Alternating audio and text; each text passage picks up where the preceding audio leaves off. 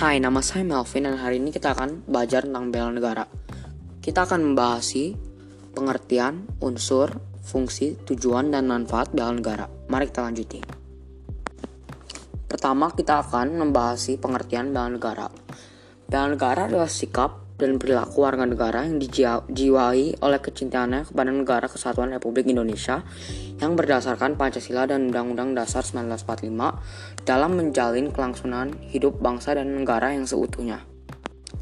Tiap warga negara berhak dan wajib ikut serta dalam usaha pembelaan negara dan syarat-syarat tentang pembelaan diatur dengan undang-undang. Secara fisik, hal ini dapat diartikan sebagai usaha pertahanan menghadapi serangan fisik atau agresi dari pihak yang mengancam keberadaan negara tersebut.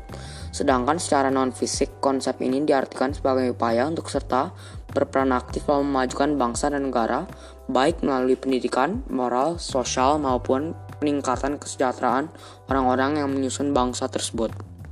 Berikutnya kita akan belajar tentang unsur-unsur dasar bela negara. Di dalam proses pembelaan bangsa, ada beberapa hal yang menjadi unsur penting. Di antaranya adalah cinta tanah air, kesadaran berbangsa dan bernegara, yakin akan Pancasila sebagai ideologi negara, rela berkorban untuk bangsa dan negara, dan memiliki kemampuan awal bela negara. Selanjutnya, kita akan membahas fungsi dan tujuan bela negara. Tujuan bela negara di antaranya mempertahankan kelangsungan hidup bangsa dan negara, melestarikan budaya, menjalankan nilai-nilai Pancasila dan UUD 1945, berbuat yang terbaik bagi bangsa negara, menjaga identitas dan integritas bangsa negara.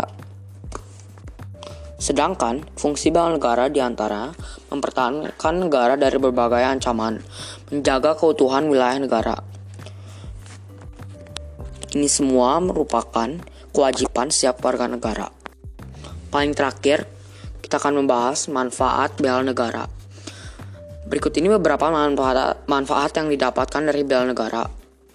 Membentuk sikap disiplin, waktu aktivitas dan pengaturan kegiatan lain, membentuk jiwa kebersamaan dan solidaritas antara sesama rekan seperjuangan, membentuk mental dan fisik yang tangguh, menanamkan rasa kecintaan pada bangsa dan patriotisme sesuai dengan kemampuan diri, melatih jiwa leadership dalam memimpin diri sendiri maupun kelompok, membentuk iman dan takwa pada agama yang dianut oleh individu, berbakti pada orang tua, bangsa, agama.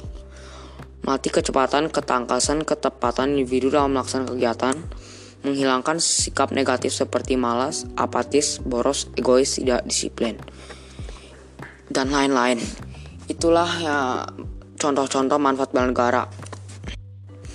Itu aja pembahasan bela negara hari ini. Bye.